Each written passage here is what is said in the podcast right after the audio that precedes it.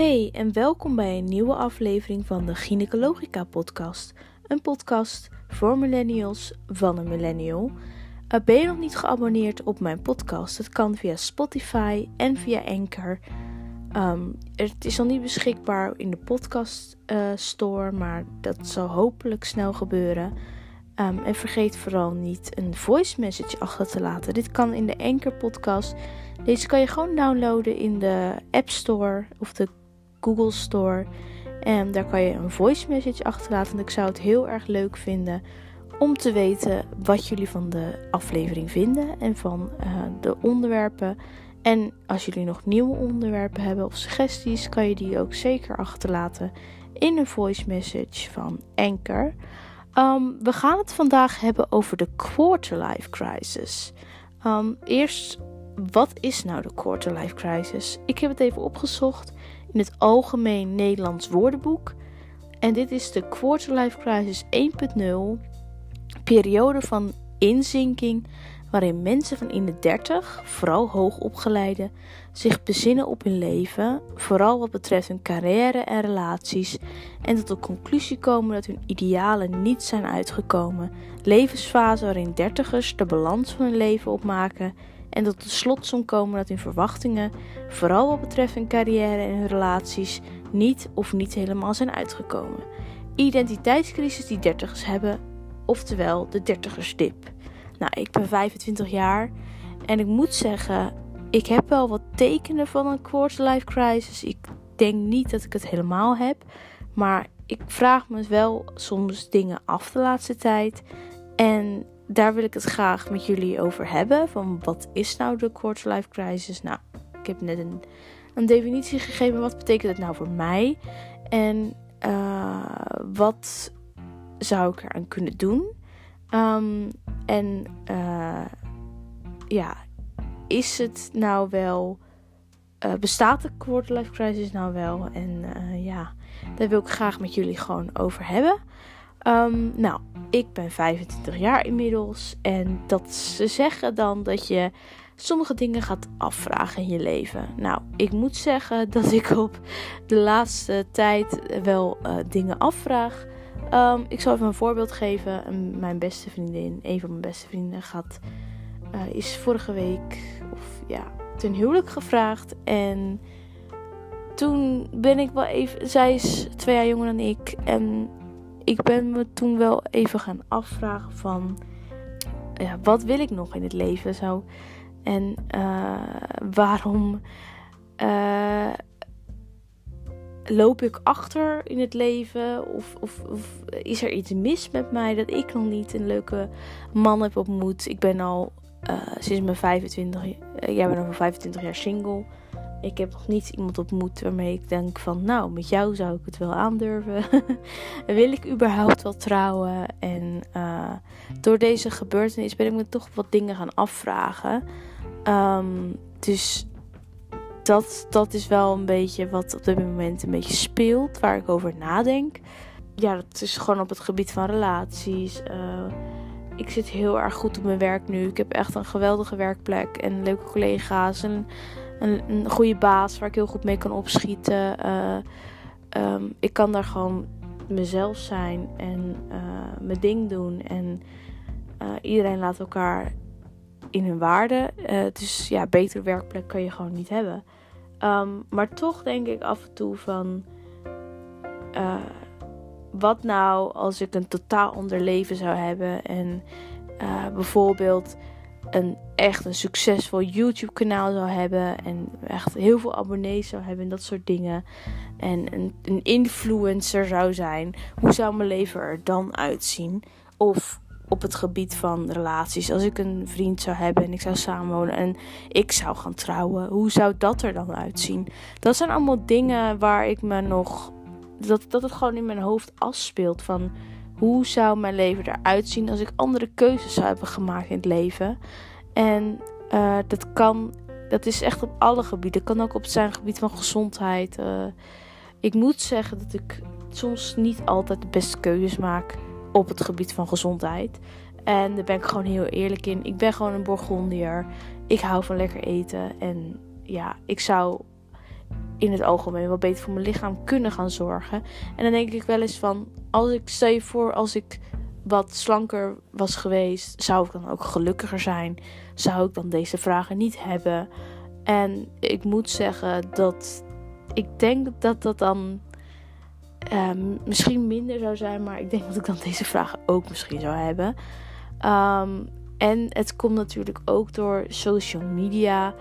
Um, ik ben best wel actief op social media. Ik ben, zoals je kan noemen, een lurker. Dus ik kijk vooral heel veel, maar ik reageer niet vaak op dingen.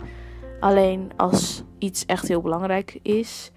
Um, um, en ik merk toch wel dat er een bepaald beeld wordt geschetst op social media en dan op alle platforms. Hè? Op YouTube, Facebook, op Twitter, op, uh, zelfs op tv. Maar dat is, dat, dat is al wat veel langer speelt.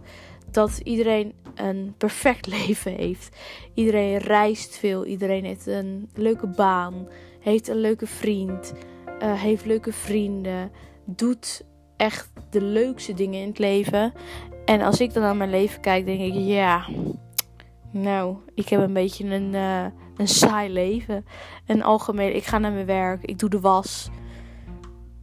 Ik uh, heb af en toe uh, tegenslagen, weet je wel. Ik, ik, ik kijk Netflix. Ik, ik doe eigenlijk niet zo heel veel speciaals, naar mijn idee. In, ik, ik sport af en toe. Ik maar ik heb niet zo'n leven wat op zich op social media uh, afspeelt. En wat ik zou kunnen delen op social media. Want voor, in mijn ogen is dat niet interessant genoeg. En als ik dan naar andere mensen kijk, die hebben allemaal wel een interessant leven. Terwijl volgens mij hebben die een beetje hetzelfde leven als wat ik heb.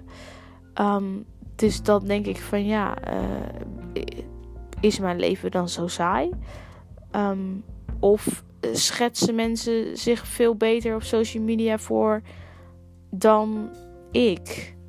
Um, ik denk vooral dat mensen die heel actief zijn op social media de echte highlights van hun week er alleen maar op zetten. En mensen zetten gewoon niet op social media van. Nou, ik heb echt een klote dag gehad. Ik ben helemaal nat geregend. En daarna heb ik ook nog een, sneer gekregen van mijn baas. En uh, ben ik, eh, noem maar een voorbeeld, in de kak gestapt met mijn voeten. Uh, dat zetten mensen niet op social media. Ja, sommige mensen wel, maar die zetten dan alleen maar negatieve dingen meestal op social media. Um, dus dan denk ik van, ja, um, waar is die balans gebleven, weet je wel, op social media?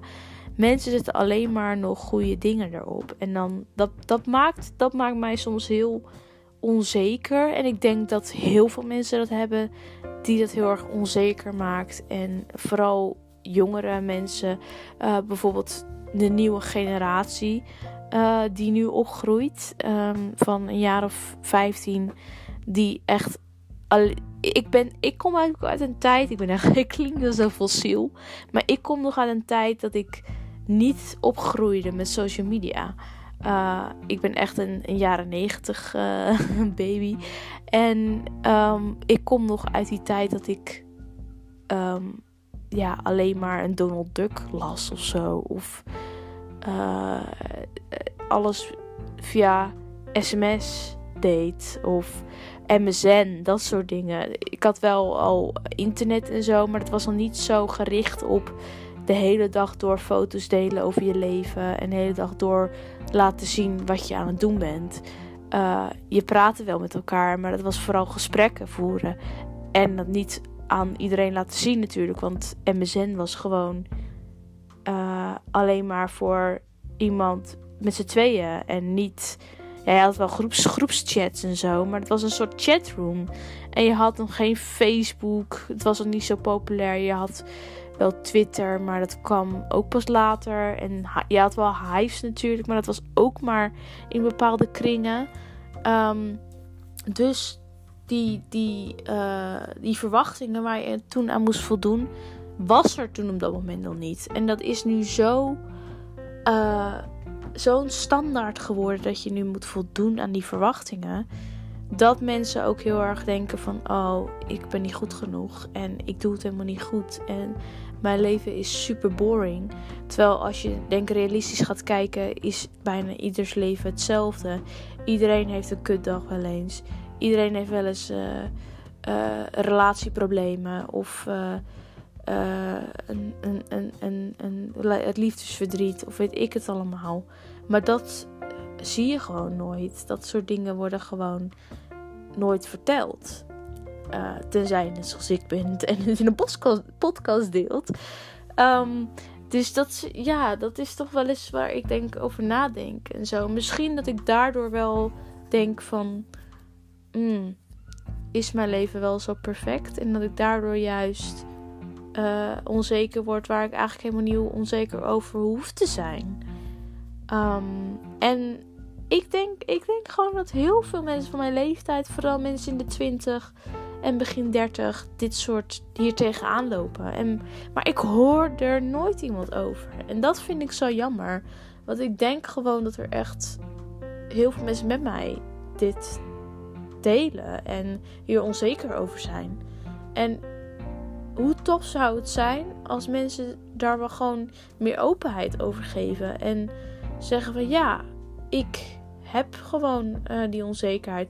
Hoeveel jongeren of mensen hebben nu een burn-out? Ik ken zoveel mensen die nu uh, burn-out klachten hebben. Of, of vooral jongeren die aan het studeren zijn en die gewoon niet kunnen uh, voldoen aan bepaalde eisen. Of, of in het sociale leven. En, en die gewoon thuis zitten studenten. Ik, ik, zag, ik zag laatst op uh, YouTube een meisje. Um, volgens mij was het van een item van het jeugdjournaal of zo. Een meisje van 15 of zo die al een burn-out had. Nou, als een meisje van 15 hoor je gewoon naar school te gaan en gewoon een leuke tijd te hebben met je vrienden. En niet, gewoon, niet al een burn-out te hebben. Dat is toch.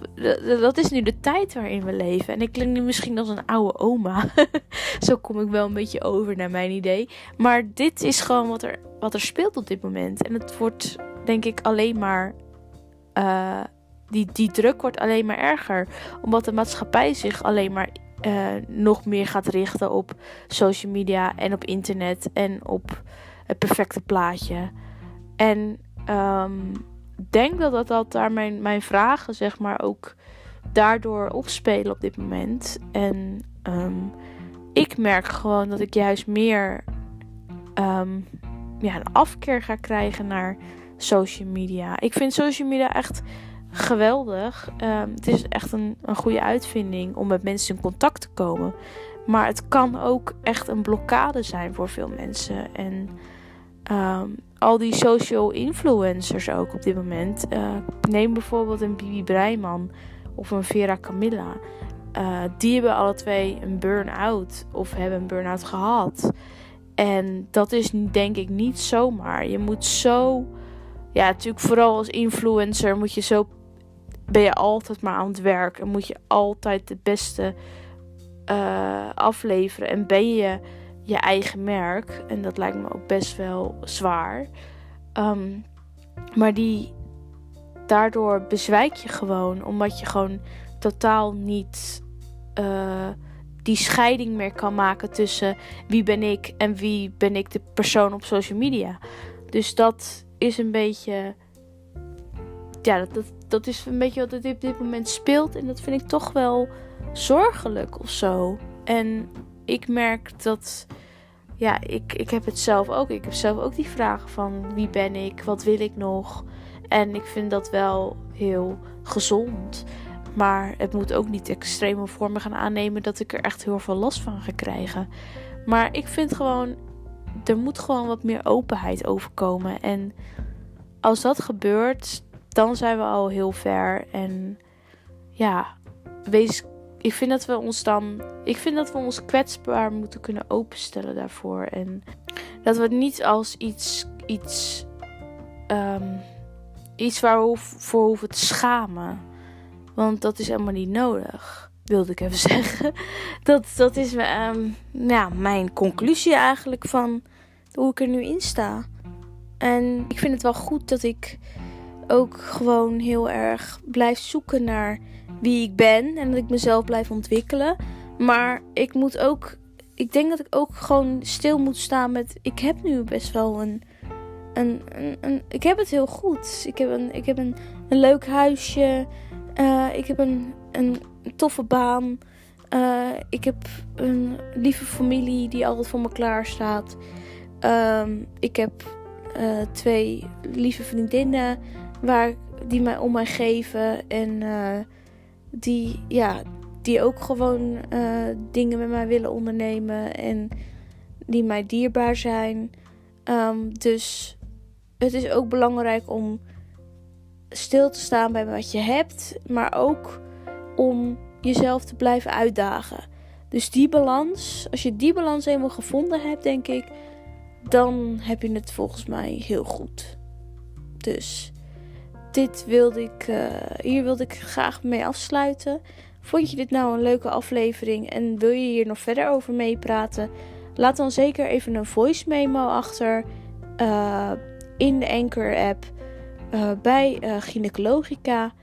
En ja, vergeet ze vooral niet te volgen en te abonneren.